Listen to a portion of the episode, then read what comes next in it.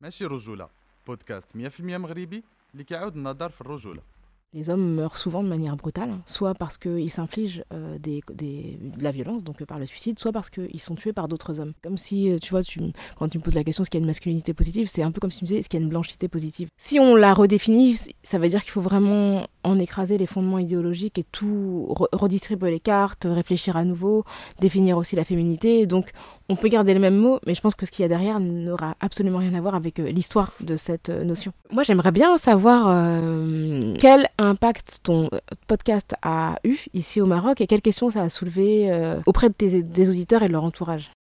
علاش ما كنسمعوش الانوثه انت ماشي راجل انا ماشي راجل رجولة رجولة ضد الطفولة هذا ولد امه كل راجل صح انا راجل واجب راجل زعما كويس ماشي راجل واجب الرجل راه الرجولة منذ الطفولة ساس رجل الراجل كلمة الراجل كلمة Bonjour Okaya Diallo, Bonjour. merci d'avoir accepté l'invitation de Machi Rujula.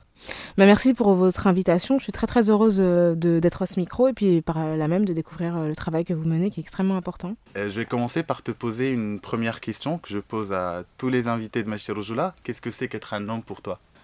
C'est une bonne question. Euh, J'ai l'impression que être un homme, ça se définit beaucoup par la négative. C'est-à-dire que euh, c'est ne pas avoir euh, tel type de comportements qui sont associés à une forme de faiblesse. Donc évidemment, être un homme, pour commencer, c'est une construction euh, sociale en grande partie et qui a une signification différente en fonction des euh, contextes sociaux, culturels euh, et politiques. Et puis euh, la masculinité, en tout cas celle que je, je connais, le fait d'être un homme, c'est vraiment défini par euh, le fait de ne pas montrer de signaux qui vont nous associer euh, à euh, la féminité, euh, à l'homosexualité, euh, à et donc toutes les catégories qui sont vulnérables, euh, qui vont euh, finalement euh, définir en creux la, ce qu'on considère être un homme. Donc, donc voilà, c'est un peu la définition que j'en ai. Pour moi, les contours sont flous, mais les personnes qui se considèrent comme de vrais hommes ont l'air de très bien savoir de quoi il s'agit. Tu crois qu'il y a une autre forme de masculinité qui n'est pas vraiment exprimée dans la société, qui est réprimée, qui peut être plus positive, plus inclusive et plus solidaire? Oui, je pense qu'il y a des gens qui sont assignés au genre euh, masculin qui n'ont pas envie de ça en fait, qui n'ont pas envie de cette euh, cage euh, qui les emprisonne, qui les oblige à jouer un rôle violent, qui les expose aussi à la violence parce que c'est vrai que la masculinité encourage la violence des hommes vis-à-vis des femmes et des non-hommes de manière générale, mais aussi entre, entre hommes, c'est-à-dire que les... les hommes meurent souvent de manière brutale, soit parce qu'ils s'infligent euh, de la violence, donc euh, par le suicide, soit parce qu'ils sont tués par d'autres hommes. Donc ça, je pense qu'il y a un moyen effectivement de réfléchir à une forme euh, d'être euh, associé au genre masculin sans que ce soit euh, promu et nourri par cette masculinité qui pour moi est quand même intrinsèquement négative. quoi. C'est comme si, euh, tu vois, tu, quand tu me poses la question est-ce qu'il y a une masculinité positive, c'est un peu comme si tu me disais est-ce qu'il y a une blanchité positive? Bah, c'est difficile parce que c'est une identité qui est née dans l'oppression, qui est née pour définir euh, l'écrasement des autres. Donc je crois que il faudrait soit la redéfinir, la recréer, mais la masculinité telle qu'elle a été conçue n'a pas n'a rien de positif, je pense, intrinsèquement. Et du coup, ça serait difficile de la déconstruire, de la repenser aussi Euh, ça me semble compliqué. Après, je pense qu'on peut, on peut la corriger, mais je pense qu'il faut vraiment repenser les assignations de genre, qu'il faut repenser les rôles de genre en profondeur euh, pour euh, finalement permettre aux personnes qui sont assignées au genre masculin d'être euh, telles qu'ils sont. Mais je fais vraiment une différence à cette assignation de genre, en tout cas euh, l'appartenance à ce genre, qui a la euh, avec la masculinité qui pour moi est plus un régime de pouvoir et un régime euh, d'écrasement. Et donc euh, si on la redéfinit, ça veut dire qu'il faut vraiment en écraser les fondements idéologiques et tout re- redistribuer les cartes, réfléchir à nouveau, définir aussi la féminité. Donc on peut garder le même mot, mais je pense que ce qu'il y a derrière n'aura absolument rien à voir avec euh, l'histoire de cette euh, notion. Tu travailles beaucoup sur l'intersectionnalité, sur les questions du racisme, sur les questions des violences policières. Est-ce que la masculinité toxique est strictement liée à la violence policière, à la violence euh, politique? Bah, je pense que l'expansion du capitalisme euh, euh, est, consécutive, à l'expansion des politiques raciales, donc des politiques raciales, d'esclavagisme, de colonialisme, et que ces politiques raciales sont intrinsèquement liées à une forme de patriarcat. C'est-à-dire qu'on a promu euh, la conquête en fait de territoires et la conquête de corps, de corps minorés, de corps, oui, qui sont assignés à une forme de minoration. Et cette, cette conquête en fait était le fait d'hommes d'hommes qui euh, renforçaient leur masculinité en s'affirmant à la fois homme et à la fois blanc. Et donc cette, euh, cette violence qui a été celle de, bah, de la conquête, de l'invasion des Amériques, de la de l'éradication, la, quasi-éradication des populations autochtones, de la déportation massive de populations du continent africain pour l'esclavage, et puis de la colonisation de territoires euh, dans le monde entier, dans les Amériques, en Afrique, en Asie, euh, dans le Pacifique, et ben c'est l'expression d'une violence qu'on retrouve aujourd'hui dans les violences policières racistes. C'est-à-dire que l'idée selon laquelle on peut disposer librement du corps d'une personne parce qu'elle n'est pas blanche, c'est une idée qui est intrinsèquement liée à cette violence et en même temps euh, qui est nourrie par une forme de patriarcat. Et je pense que on la retrouve à la fois dans les violences policières, donc les violences institutionnelles, mais aussi dans euh, les violences euh, de, de citoyens qui ne sont pas, qui n'ont pas de de rôle relatif aux institutions. Je pense aux tueries qui ont eu lieu récemment aux États-Unis, au fait que toutes ces tueries, euh, que ce soit à Buffalo euh, ou euh, au Texas, dans cette école où 19 euh, enfants, 19 enfants pardon, sont, sont morts, ce sont déjà des hommes, des hommes assez jeunes qui vont s'emparer d'armes et qui auront l'impression d'exprimer quelque chose qui est de l'ordre de leur identité profonde, leur identité de blanc, mais aussi leur identité d'homme, parce que malgré le fait que de nombreuses femmes américaines soutiennent la, la NRA, donc cette association de promotion du port d'armes, il n'y a pas de femmes qui soient à l'origine de tueries de masse. Ou si ça arrive, je pense que ça arrivera de manière totalement marginale. Donc on voit quand même que l'expression de cette identité masculine dans le contexte euh, post-colonial américain, et je pense que c'est la même chose pour, euh, pour euh, l'Europe, où les terroristes sont des hommes, eh bien c'est une expression qui est intrinsèquement liée à cette définition de la masculinité. À l'échelle de la domination masculine, où est-ce qu'on peut situer les masculinités racisées? Bah, c'est une question qui est complexe parce que euh, les personnes euh, non blanches, les personnes euh, racisées, sont victimes de cette masculinité à plusieurs égards. Et en même temps, parmi ces personnes non blanches, il y a des hommes, des gens qui sont définis socialement comme des hommes, et donc qui restent aussi des personnes socialisées en étant encouragées à investir cette forme de masculinité. Et dans, ces catégories dominées, pour des raisons raciales, il y a des femmes et des personnes non binaires qui sont exposées à cette violence masculine, et donc qui doivent à la fois se se- comment dire, se protéger du racisme qui concerne les personnes, en tout cas qui, qui, les, qui, les expose du fait de personnes blanches, mais aussi du sexisme, euh, qui est le fait de personnes qui sont, à qui sont victimes de racisme potentiellement, mais aussi euh, qui, qui peuvent euh, produire du sexisme. Et c'est très compliqué parce que, parce que ça montre qu'on peut effectivement être la même personne et être à la fois...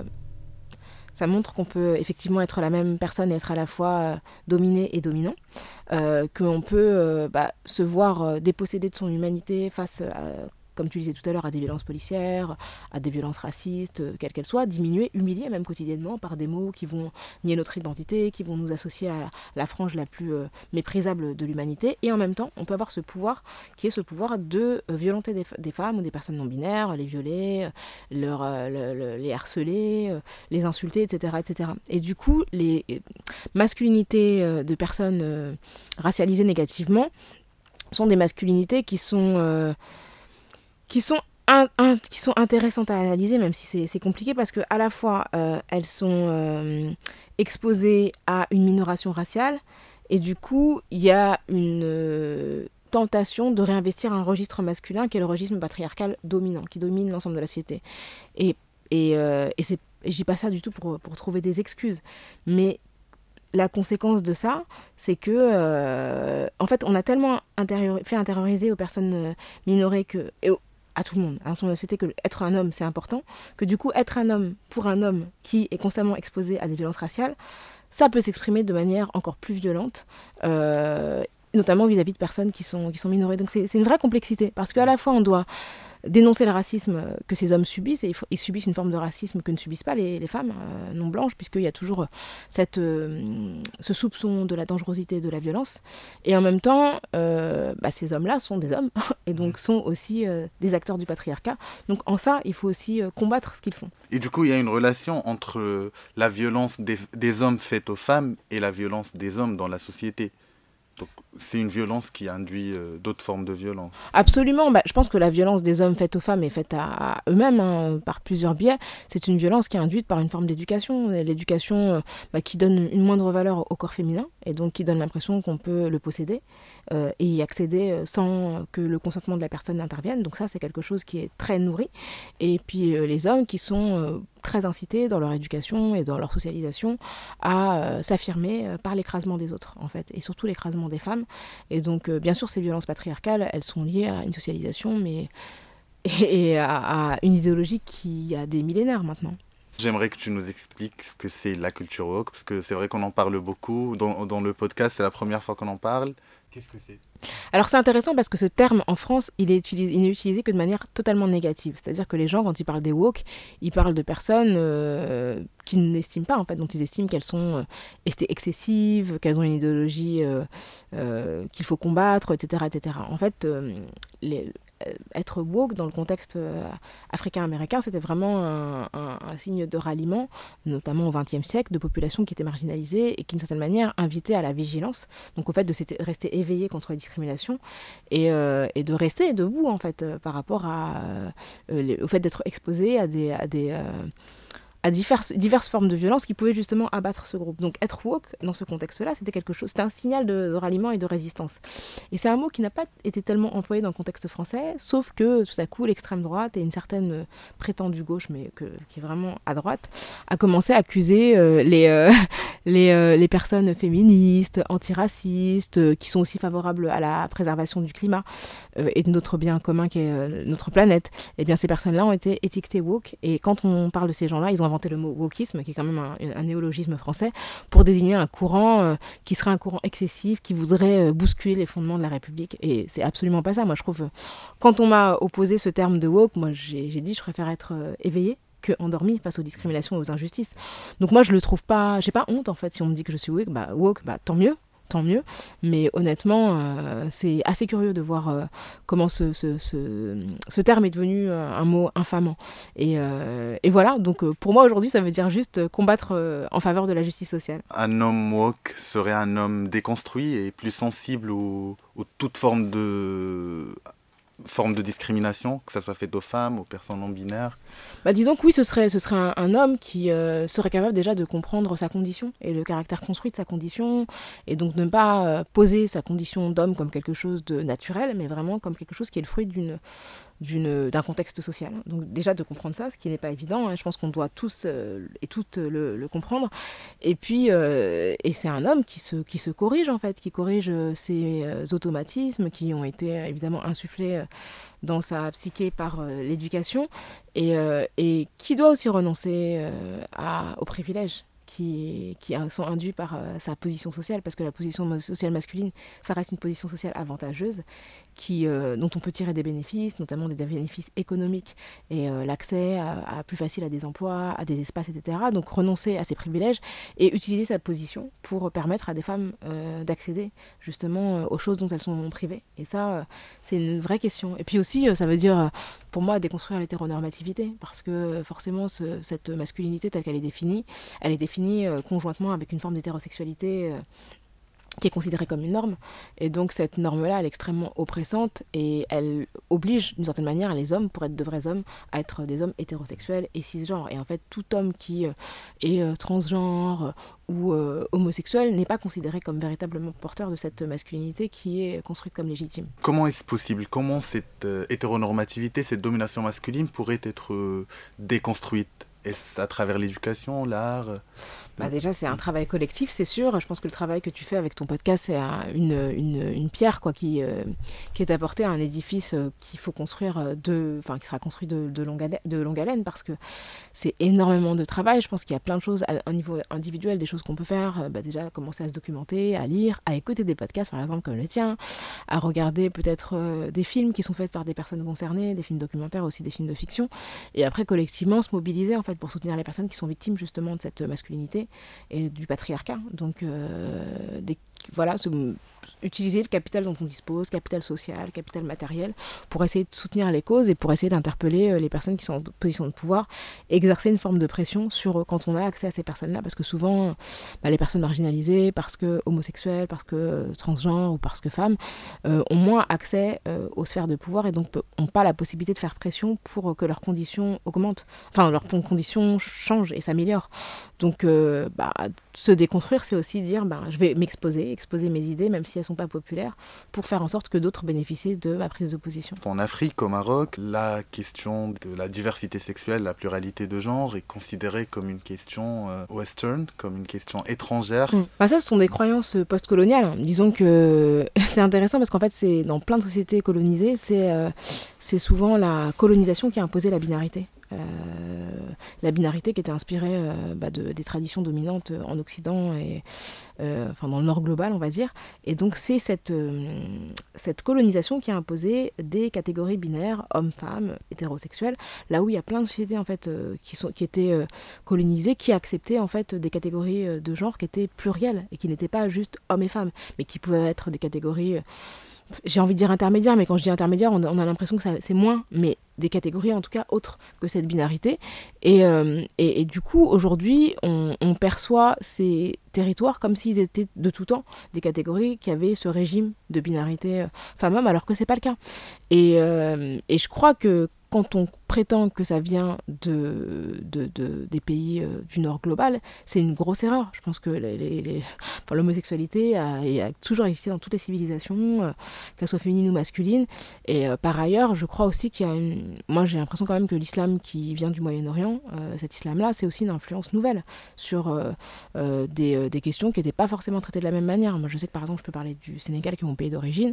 Je sais qu'il y avait une tolérance sociale pour ce qu'on appelle les gourdigaines, donc euh, hommes-femmes, ça se dit comme ça, Wolof, mais en tout cas, euh, voilà, ça existait, c'était, ça faisait partie de la société, etc. Et que je trouve qu'il y a une radicalisation qui s'est faite au nom de l'islam, mais d'un islam qui n'est pas celui, euh, qui est pas l'islam sénégalais à la base, qui vise en fait à vouloir complètement euh, empêcher toute personne euh, de se conformer à son orientation sexuelle. Et ça, c'est récent. C'est récent. euh, et il y a plein de choses où je me dis que hum, finalement, on a l'impression que c'est traditionnel, mais en réalité, c'est très moderne. Ce sont vraiment des, des injonctions qui sont très très et un durcissement qui ne vient pas de l'histoire en fait des populations euh, en question. Et l'intersectionnalité, pourrait apporter une solution à cette euh, méconnaissance de, notre, de nos narratifs euh, africains qui sont moins hétéronormatifs? Bah déjà oui, effectivement, bah, l'intersectionnalité dans ce sens, elle sert justement à tenir compte de toutes les situations, de toutes les formes d'oppression.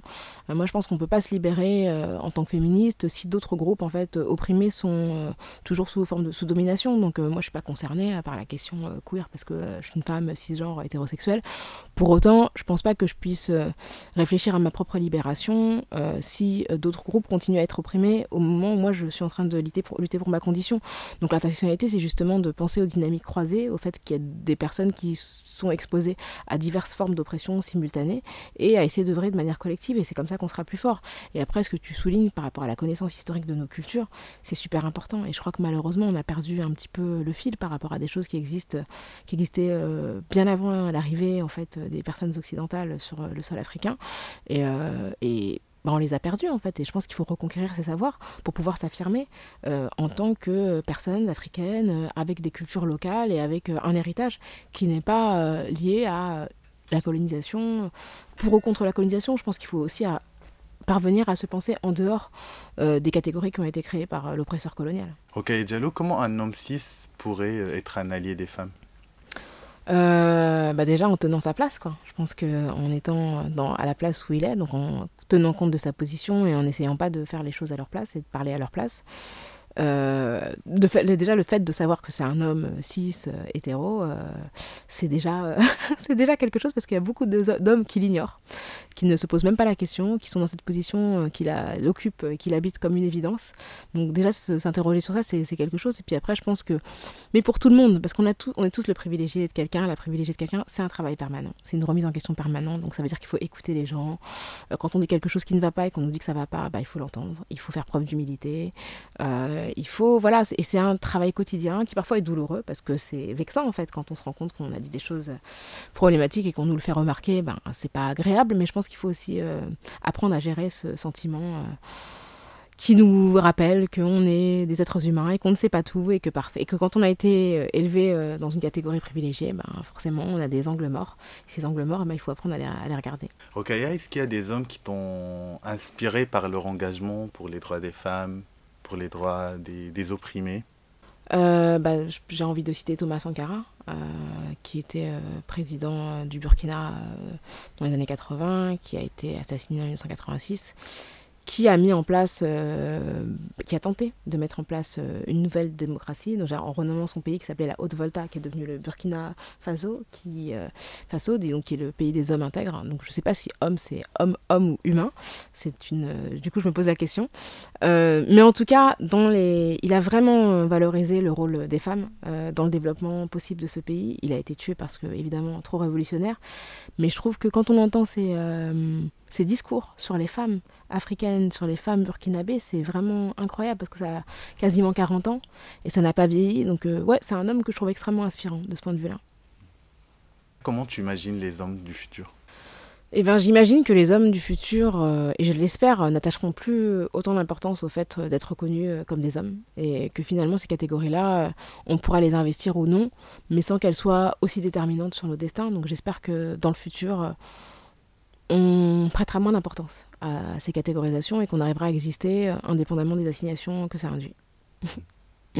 Euh, moi, j'aimerais bien savoir euh, quel impact ton podcast a eu ici au Maroc et quelles questions ça a soulevé auprès des auditeurs et de leur entourage. Ça a eu beaucoup d'impact pour la simple raison que, voilà, qu'on parle de la question des masculinités au Maroc. En tout cas, c'était une autre façon de parler des violences faites aux femmes, c'est-à-dire pour une fois, on inverse euh, le débat et on parle vraiment de ceux qui sont responsables des oppressions euh, faites aux femmes. Et puis, il y a aussi le fait que ça soit un homme derrière l'initiative. Euh, je me souviens au début, beaucoup de gens voulaient euh, célébrer ça, que ça soit un homme, mais on est vite parti dans un autre euh, débat qui est comment les hommes aujourd'hui peuvent être impliqués dans le combat des femmes, mais pas que, parce que dans les masculinités, j'imagine partout, mais surtout au Maroc, il y a beaucoup d'hommes qui sont opprimés aussi. Là, je parle des, bah, des homosexuels, des hommes trans, mais aussi des pauvres, des gens qui n'ont pas accès, accès aux richesses. On a pu soulever ces questions-là. Et, et ça continue. Et puis, le Machir Jola, c'est aussi un podcast qui est très écouté par les personnes LGBTQ. Et ça, ça prouve que, à travers euh, la, la réflexion sur les masculinités euh, toxiques, sur la domination masculine, on peut aborder beaucoup de sujets dans un contexte patriarcal. Parler des masculinités euh, toxiques, c'est vraiment c'est du féminisme, c'est de la lutte pour les- la justice sociale et la justice basée sur le genre. Bah, franchement, bravo, hein, c'est impressionnant et c'est euh, hyper enrichissant de t'entendre. euh, ça me permet de découvrir des choses que, dont j'ai pas forcément conscience, donc merci pour ça. Ben, merci à toi. Et une dernière question, qu'est-ce que tu aimerais dire aux hommes qui nous écoutent? Bah, J'aimerais euh, leur dire qu'ils devraient s'exposer davantage euh, aux discours portés par euh, des femmes et des personnes non binaires, donc euh, aux productions culturelles, intellectuelles, euh, ou tout simplement à leurs euh, discours dans le quotidien. C'est pas la peine forcément d'aller chercher très loin, mais qui devraient vraiment être plus attentifs à ça. Rokhaya Diallo, merci beaucoup. Ça m'a fait trop plaisir de te recevoir. Je suis fan. Euh, Merci à toi, franchement c'était un vrai plaisir et euh, je suis très honorée de, de- de passer devant ce micro. merci beaucoup. Merci, salut. Salut.